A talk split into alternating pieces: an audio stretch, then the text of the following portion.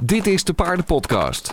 De podcast over de verbetering van paardenwelzijn. Voor een wereld vol gezonde en gelukkige paarden.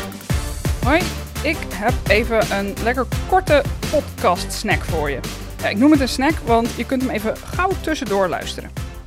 Ik heb namelijk een splinternieuw e-book gemaakt met 50 tips voor paardvriendelijk presteren door professionals uit de paardenwereld. En in dit e-book vind je dus 50 quotes van professionals. En die gaan over huisvesting, voeding, training, eigenlijk alles wat te maken heeft met paardenwelzijn. En de komende weken ga ik af en toe zo'n tip delen in de podcast. We beginnen met een quote van Anne Loosveld. Zij is sportpsycholoog en mindsetcoach voor ruiters. En zij zegt: Identificeer jezelf niet met je fouten of problemen, maar kijk objectief naar de situatie om goede beslissingen te nemen voor je paard.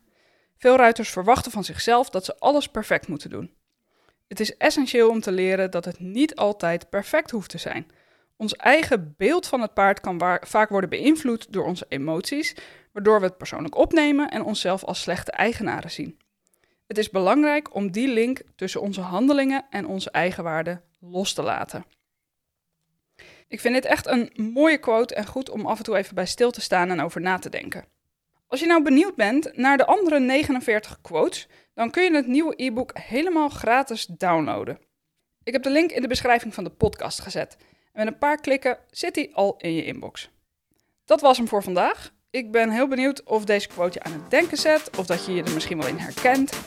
En over een paar dagen ben ik er weer met een nieuwe podcast. Tot dan!